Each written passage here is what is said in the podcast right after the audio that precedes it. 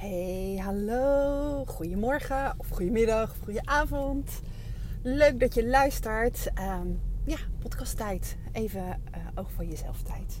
En um, ja, ik ben, uh, ik rij nu in de auto net weg uh, van een school in Berkel Roderijs. Berkel en Roderijs moet ik zeggen. En um, ik heb daar een opname gemaakt in een klas voor degene die het misschien nog niet weten. Ik uh, ja, coach juffen, uh, mensen in het onderwijs. Ook mensen daarbuiten trouwens hoor. Op het gebied van persoonlijke ontwikkeling en groei.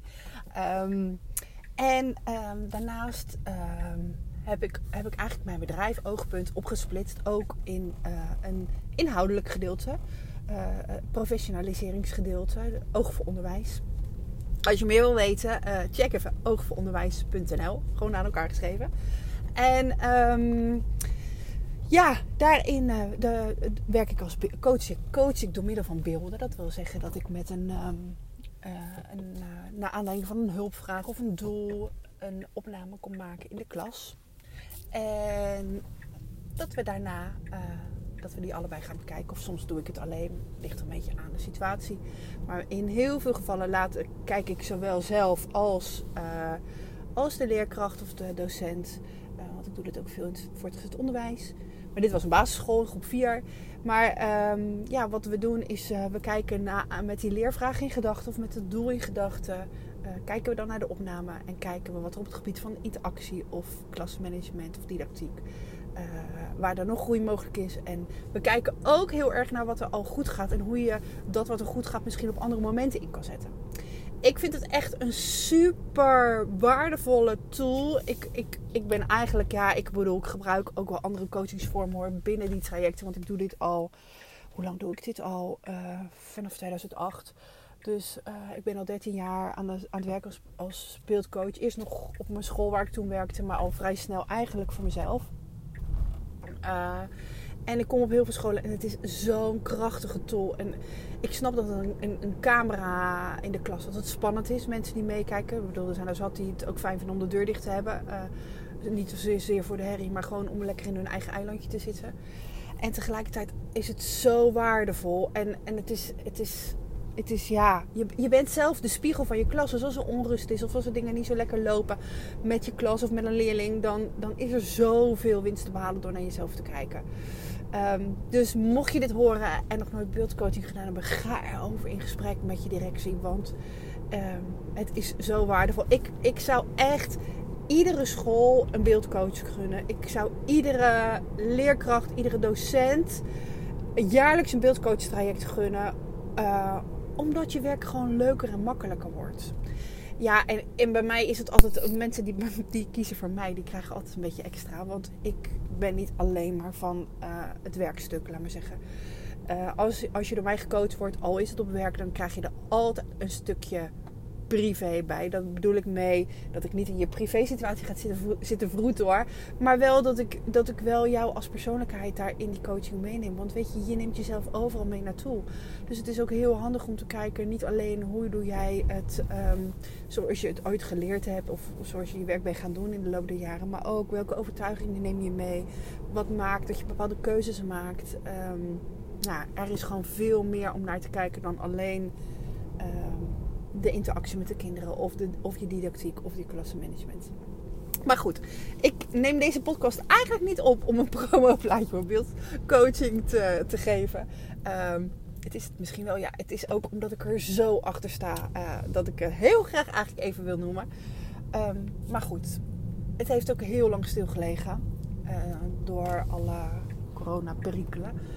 Uh, dus ik ben ook heel blij dat ik weer eens in een klas mocht lopen. En uh, superleuk om deze hier volgende week te spreken over haar, wat zij, welke inzichten zij gekregen heeft als ze de opnames gaat bekijken. Maar goed, dat is eigenlijk niet waarom, nou ja, dat zei ik al, waarom ik deze podcast op wil nemen. Uh, het is sowieso een handig moment. Ik denk, ik ga eens uittesten hoe dat is als ik in de auto zit en ondertussen klets. Um, en tegelijkertijd, ja, het is, er gebeurt iets interessants. En ik ja, weet je, waarom deel ik het? Omdat ik denk dat je het herkent. Op een ander vlak misschien. Maar uh, ik weet zeker dat jij er ook last van hebt. En, uh, en het is interessant om daar eens voor jezelf naar te kijken. Wat was er bij mij aan de hand? Ik ehm, heb daar sinds een paar dagen last van een ontstoken oog. Is ontstoken. Uh, mijn oogslijmverlies is ontstoken. Gelukkig kan ik gewoon kijken en mag ik ook gewoon rijden. Maar mijn oog uh, is dik. Er zit vocht. Wordt in mijn uh, ooglid zit een, een, dikke ophoping van vocht.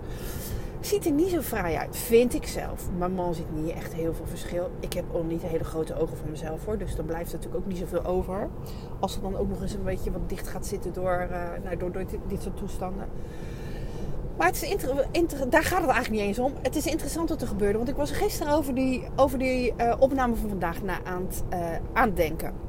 Want uh, ik mocht namelijk de klas in, maar wel met een mondkapje op. omdat, ja, ja, zo zijn de regels gewoon in heel veel scholen. Geen probleem.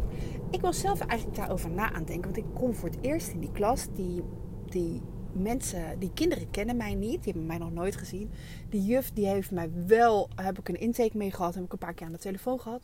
Maar die intake is al in december geweest. Dus door de lockdown en doordat zij corona kreeg. En doordat ik corona kreeg, kon het gewoon dus niet eerder dan nu. Dus het is al uh, ja, een half jaar geleden dat ik haar gesproken heb. En ik dacht, jeetje, daar zit ik ook nog met, dit, met, het, met dat oog. Ik ben al een paar dagen uh, als toast make-uploos door het huis. Uh, maar het ziet er niet heel fraai uit, vind ik zelf. Uh, en ik dacht ook nog, als je dan zo'n mondkapje op hebt, dan blijven eigenlijk alleen je ogen over om mee te spreken, om het zo maar te zeggen. Want ja, je mond, je mond en je neus, de rest van je gezicht wordt natuurlijk een soort van lam gelegd door, door zo'n mondkapje. En, en dan vind ik dat, dat make-uploos eigenlijk helemaal niet zo'n probleem. Dat is ook grappig trouwens, want uh, dat vond ik een paar jaar geleden echt wel hoor. En het is echt niet zo dat ik altijd met dikke lage make-up uh, de straat op ga. Maar mascara is eigenlijk altijd het minste wat ik wel doe. Vooral ook omdat ik kleine ogen heb. En um, ja, en ik vind dat, ik dan, dat mijn gezicht dan meer spreekt. Ja, en ik, ik, maar dat doe ik eigenlijk bij de schoonheidsspecialist. En ik verf mijn wenkbrauwen. Omdat ik van mezelf vrij blond ben. En dat ik dan wat meer uitdrukking op mijn gezicht heb.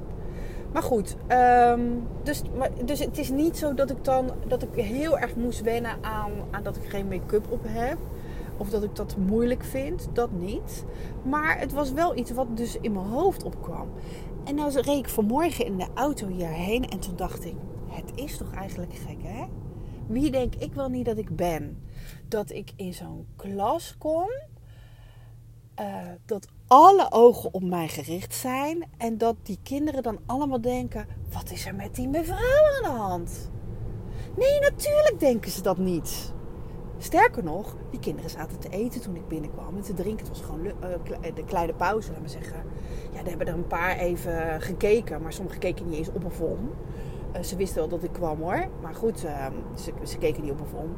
Ik, ehm, ik ging achter in de klas zitten. Dat doe ik vaak de eerste keer dan maak ik me toch een beetje onzichtbaar. Uh, want ik realiseer me dat het ook wel eens lastig is. Ik ben 1,86 meter. Dus je echt onzichtbaar maken is wel een soort van ingewikkeld. Maar ik doe altijd een poging daartoe. Omdat ik weet hoe, hoe, hoe toch spannend het soms is of kan zijn. Uh, Zo'n camera in de klas. Um, maar goed, natuurlijk waren niet alle ogen op mij gericht. En uh, en natuurlijk kon ik ondanks dat mondkapje met mijn ogen gewoon ook contact maken. Want er waren kinderen die, die me aankeken, die naar mijn camera keken. Want dat is natuurlijk veel interessanter dan ik met mijn dikke oog. Um, en uh, ik kon gewoon met mijn ogen hun geruststellen. Uh, zonder dat ik wat, wat zei. Uh, of contact maken en vriendelijk lachen. En ik kreeg een vriendelijke glimlach terug. En toen dacht ik, dat is, dat is toch bijzonder hè, wat er gebeurt. Want um, dan zijn er dus in no time kritische stemmetjes in mijn hoofd.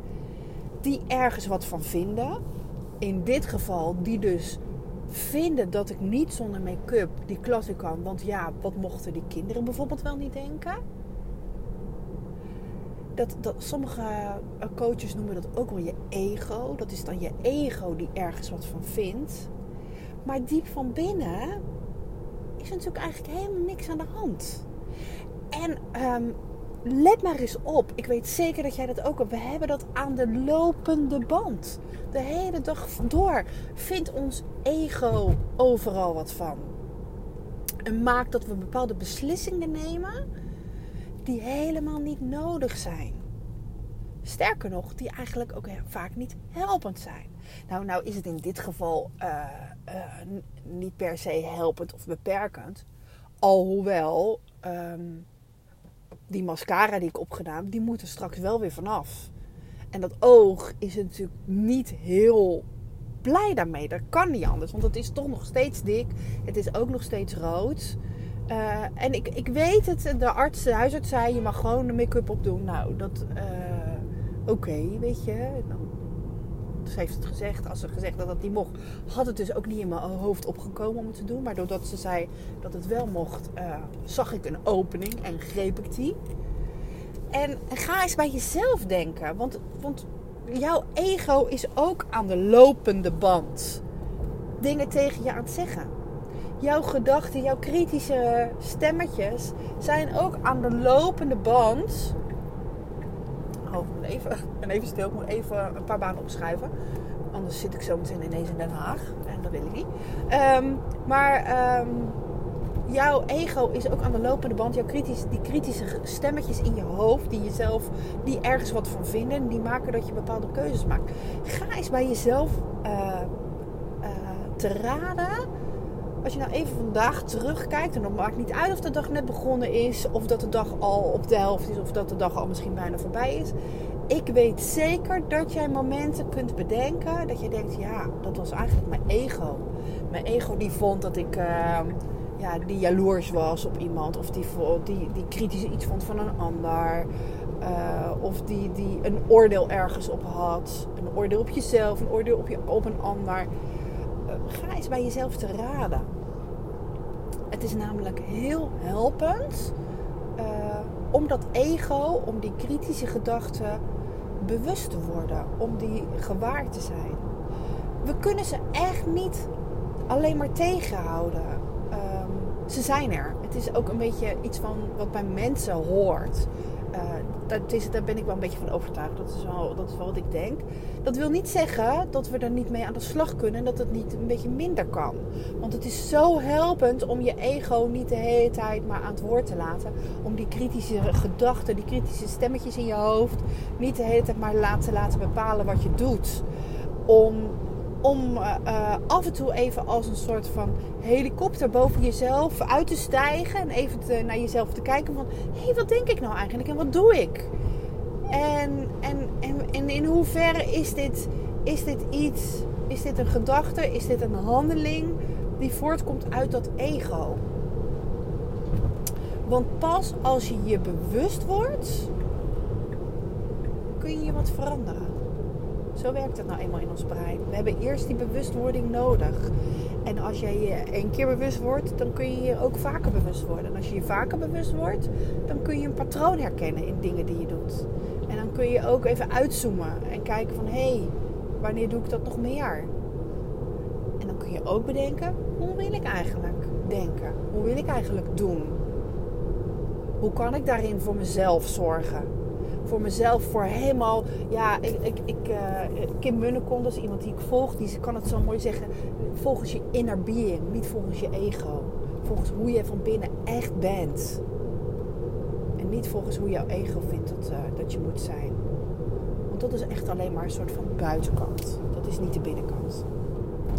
Nou goed, dit wilde ik je eigenlijk heel graag even meegeven. Omdat ik, wel weer zo'n bijzondere situatie waarin ik ineens weer even bewust word van hoe dingen gaan. En waarin, waarin jij mogelijk ook weer getriggerd wordt om bij jezelf wat te herkennen en, uh, en bewust te worden. En weer misschien iets nieuws van verandering op gang, in gang kan zetten. Nou, superleuk uh, dat je luisterde. En ja, tot een volgende keer. Doei doei!